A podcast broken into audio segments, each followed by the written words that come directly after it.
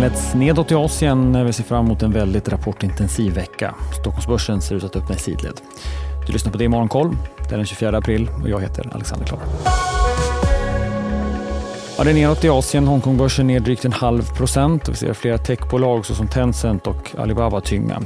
Börsen i Fastlandskina och då speciellt teknikinriktade tjänsten också ner närmare en halv procent. Tokyobörsen är däremot svagt uppåt efter att den nya centralbankschefen Kazuo Edo har hållit sitt första räntemöte och sagt att Japan fortsatt behöver sin expansiva penningpolitik då landet fortsatt ligger under sitt mål för trendinflationen. Samtidigt sa Edo att när man väl nått sitt 2% mål för inflationen så ska penningpolitiken normaliseras i landet. På fredag kommer centralbankens räntebesked och förväntan är ingen annan än att den negativa styrräntan förblir på minus 0,1 procent. Vi väntar också på ett svenskt räntebesked i veckan. På onsdag väntas Riksbanken ledd av Erik Thedéen höja räntan med 50 punkter upp till 3,5 procent.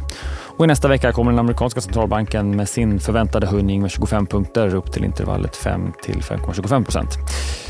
Det betyder att ledamöterna nu gått in i en tyst period inför mötet. Men innan helgen så sa Fed-guvernören Lisa Cook att utsikterna för hur Fed ska agera nu efter ett år av räntehöjningar blivit mer oklart. Att hon ser att inflationen sjunkit men att det underliggande pristrycket förblivit starkt. Cook sa också att hon förväntar sig att den eh, arbetsmarknad som varit väldigt stark snart börjar bromsa in. Spänningarna mellan USA och Kina fortsätter. Det märks inte minst på att flera chiptillverkare har det tufft på asiatiska börser idag.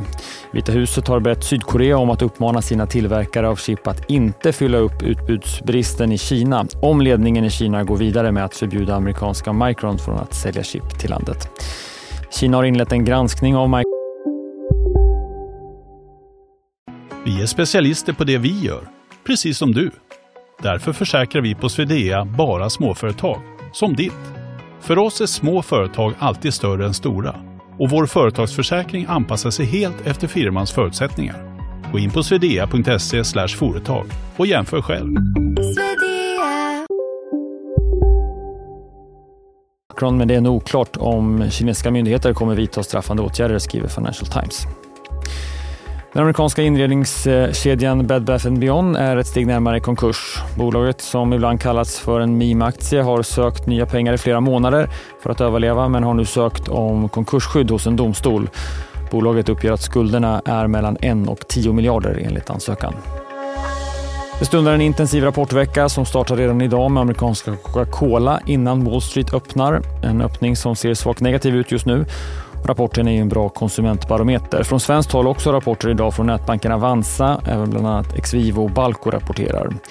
Flera och tyngre rapporter imorgon tisdag. ABB släpper siffror först, därefter bland annat Stora Enso som vinstvarnade i förra veckan och gruvjätten Boliden. Från USA rapporterar både Microsoft och Googles Alphabet liksom svenska Spotify. Sen på onsdag en väntad höjning då från Riksbanken och de första bankrapporterna på morgonen. SEB och Handelsbanken väntas båda förbättra sina resultat med över en miljard jämfört med vad vi såg i samma kvartal i fjol. Det kommer också rapporter från Telia, SSAB, Assa Abloy och försvarsbolaget Saab. Och idag rapporterar för övrigt Ekot om att den militära upprustningen slår rekord i världen och att Europa ökar anslagen mest. På torsdag, bland annat Evolution och Volvo Cars öppnar böckerna, ytterligare banker och så verkstadsjätten Atlas Copco strax innan lunch. Och så avslutas veckan med både Electrolux och Hexagons rapporter. DTV kommer sända extra tidigt på morgnarna. Du hittar information om starttider på sajten di.se. Och alla intervjuer såklart också i spelaren, men också som poddformat om man vill lyssna i kapp. Inget extra Rapportmorgon idag måndag utan intervjuer med bland annat Avanzas vd Rikard Josefsson i Börsmorgon med start som vanligt kvart i nio. Det är Morgonkoll. Jag är tillbaka igen imorgon. Jag heter Alexander Klar.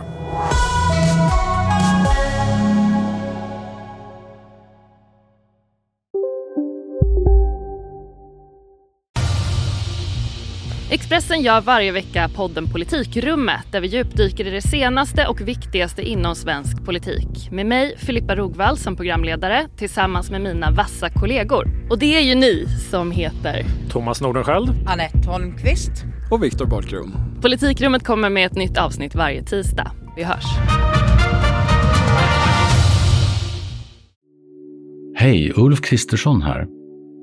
På många sätt är det en mörk tid vi lever i. Men nu tar vi ett stort steg för att göra Sverige till en tryggare och säkrare plats. Sverige är nu medlem i Nato. En för alla, alla för en.